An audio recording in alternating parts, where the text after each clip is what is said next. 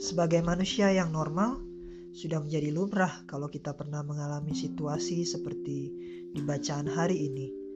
Letih lesu dan berbeban berat. Saya pun sudah cukup banyak mengalami hal yang tidak mengenakan tersebut. Saat masa sekolah dulu, saya pernah merasa jatuh dan terpuruk begitu dalam. Pertama, karena ditolak oleh seorang gadis yang saya cintai begitu dalam, hingga saya merasa sebagai sosok pria yang begitu lemah sekali. Lalu yang kedua, kayak saya juga pernah ketahuan menyontek saat ujian. Sebuah kepercayaan dari salah satu guru yang saya hormati tiba-tiba runtuh begitu saja karena saya sudah dikenal sebagai siswa teladan dan selalu masuk ranking 10 besar di kelas. Fast forward ke masa kini di mana saya sedang studi di Estonia, beberapa kali saya juga kembali merasakan hal yang serupa. Khususnya ketika memasuki musim dingin di negara ini, matahari rasanya menjadi hal yang begitu mewah karena kegelapan lebih sering menyertai hari-hari saya di sini. Menilik kembali kepada sabda Tuhan hari ini. Datanglah kepadaku kalian semua yang letih lesu dan berbeban berat, karena aku akan memberikan kelegaan padamu.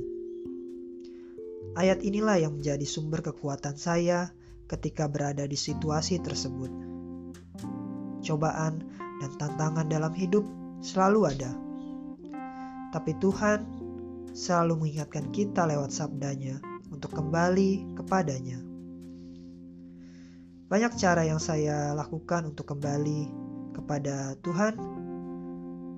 Jika waktu dan tempat tidak memungkinkan untuk kembali ke gereja, saya biasanya mencari sebuah tempat sunyi, baik di kamar saya ketika roommate saya sedang keluar, ataupun dengan berjalan-jalan di luar, seperti di tempat yang sepi, dan di situ saya bisa melakukan saat teduh bersamanya.